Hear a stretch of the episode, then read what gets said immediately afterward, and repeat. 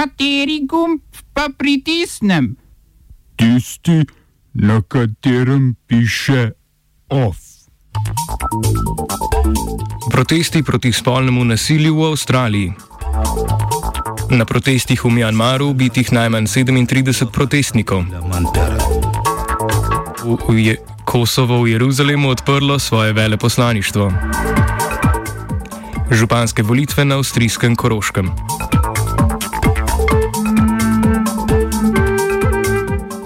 V Mjanmaru so včeraj na protestih proti državnemu udaru v predmestju Jangona var varnostne sile ubile najmanj 37 protestnikov, ki so napadli kitajske tovarne. V napadu so zažgali 32 tekstilnih tovarn, pri čemer je bilo poškodovanih več kitajskih delavcev.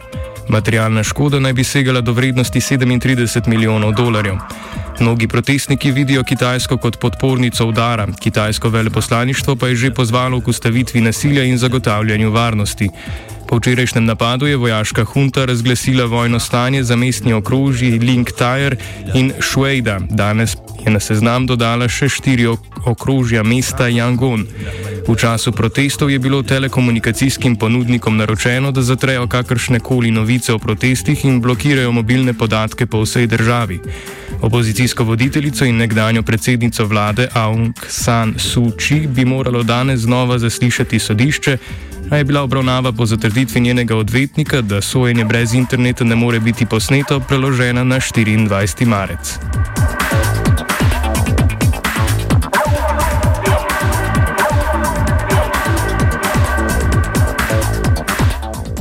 V Avstraliji se je danes na ulicah Sydneyja, Canberre, Brisbanea in Melbourna zbralo več tisoč ljudi na protestih proti spolnemu nasilju. Pod sloganom March for Justice so proteste sprožile obtožbe spolnih napadov povezanih z vlado.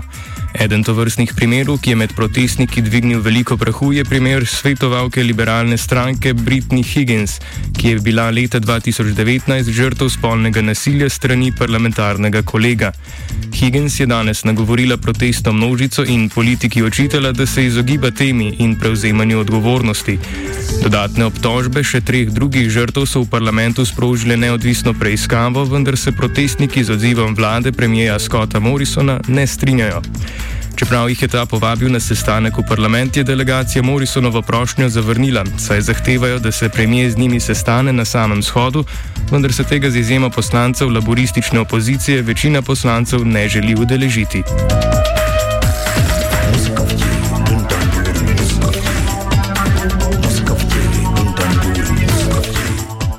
Afganistansko ministrstvo za izobraževanje je razveljavilo prepoved javnega petja deklet, potem ko je ta po socialnih omrežjih dvignila veliko prahu. Dekleta so pod kampanjo I Am My Song začela objavljati posnetke, v katerih prepevajo svoje najljubše pesmi. Izobraževalne oblasti so prejšnji teden prepovedale udeležbo deklet starejših od 12 let v zborih na uradnih državnih prireditvah. Dejanje je v državi vzbudilo veliko strahu, da ura, uradniki talibanizirajo državo in jo imajo namen vrniti v čas, ko je avtoritarna islamistična skupina prepovedala sodelovanje žensk v javnih delih države zunaj svojih domov.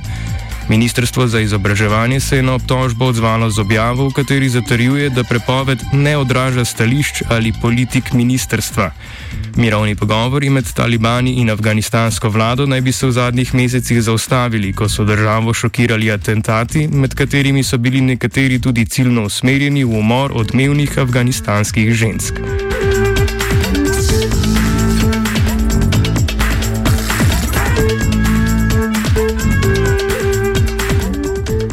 Bivši italijanski predsednik vlade Enrico Leta, ki je vlado vodil med letoma 2013 in 2014, se vrača v politično sfero kot predsednik levo-sredinske demokratične stranke, katere član je bil, preden je odstopil z mesta premijeja kandidiranju za predsednika druge največje stranke v trenutni vladi je bil pozvan potem, ko je v začetku meseca z položaja zaradi številnih kritik odstopil Nikola Zingareti.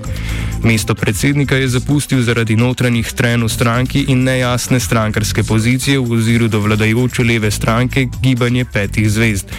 Poleg tega je bil Zingareti kritiziran, ker mu ni uspelo zagotoviti ministerskih mest za svoje ženske kolegice.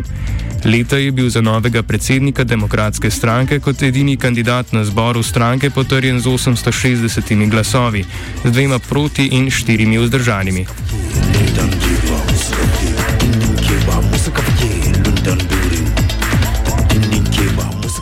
Kosovo je včeraj uradno odprlo svoje veleposlaništvo v Jeruzalemu in je tako postalo prva evropska država, ki se je pridružila Združenim državam Amerike in Gvatemali ter to storila v spornem mestu jedra izraelsko-palestinskega spora.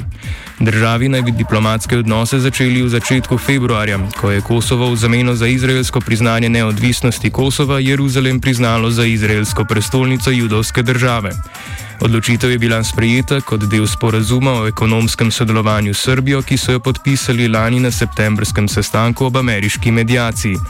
Kosovski premijer Albin Kurti se zaradi pritiska strani tesne zaveznice Kosova, Turčije, zdaj sooča s težkim diplomatskim položajem o morebitni spremembi odločitve. Turški predsednik Recep Tayyip Erdoğan je namreč Kosovo že opozoril, da lahko to vrstna poteza oškoduje nadaljne odnose med državama.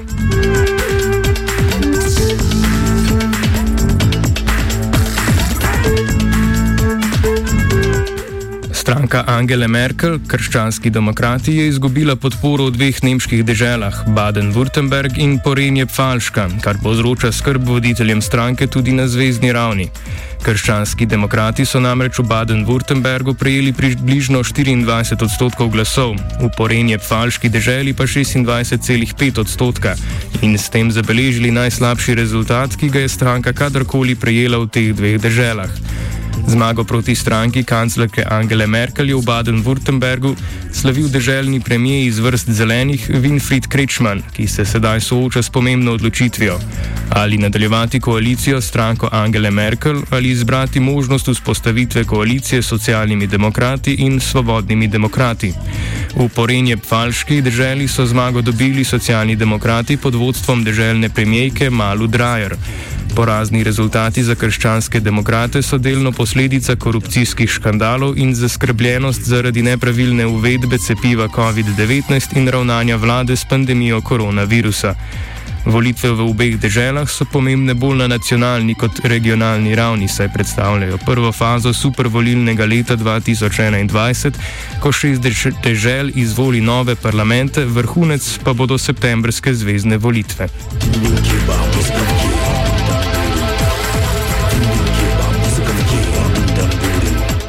Na županskih volitvah na avstrijskem Koroškem je v celovcu s 53,5 odstotka prejetih glasov zmagal Kristjan Šajder iz tim, tima Koroška. Zmago je slavil proti dosedanji županji avstrijskih socialdemokratov Mariji Luizi Matešic, katere stranka je županski položaj izgubila tudi v špitalu ob Dravi in Šmohorju. V špitalu ob Dravi je zmago namreč slavil Gerhard Köfer iz Tim Koroška, v Šmohorju pa je bil za novega župana imenovan Leopold Astner iz ljudske stranke, ki je svojega tekmeca Zigfrida Ronaherja prekosil za 101 glas. V železni kapli je dosedanjega župana smrtnika premagala Elizabet Lobnik, ki je po končnih rezultatih prejela približno 54 odstotkov glasov. Smrtnik pa je novo izvoljeni župani že napovedal trdno opozicijo v občinskem svetu. Po letošnjih volitvah je stranka avstrijskih socialdemokratov obdržala 53 županov, ljudska stranka je svoje število povečala na 45, Tim Koroška pa na 4. Oba, če, če bom odgovoril na angliški. Slovenija will try to help. Uh, we can. Slovenija will. Uh, and we will. Do our utmost. To say that the situation is. Our problem ourselves. And uh, we will. Uh, make further steps as soon as the conditions are. Bomo vlado Marjana Cererera Šarca podprli. Uh, very, very serious. News from Slovenia. We know how and we will. V stranki Desus je prišlo do novih sprememb. Poslanec Juri Lep je napovedal izstop iz poslanske skupine Desus, vendar odhoda iz stranke zaenkrat ne načrtuje. Statut stranke sicer določa, da se poslancu, ki izstopi iz poslanske skupine, članstvo preneha z dnem izstopa. Lep ima namen v državnem zboru delovati kot neodvisen poslanec z upanjem, da najde kakšnega poslanskega partnerja. Na sejah bi naj glasoval v skladu s podpisano koalicijsko pogodbo, v primeru odstopanja od napisanega namerava glasovati z opozicijo.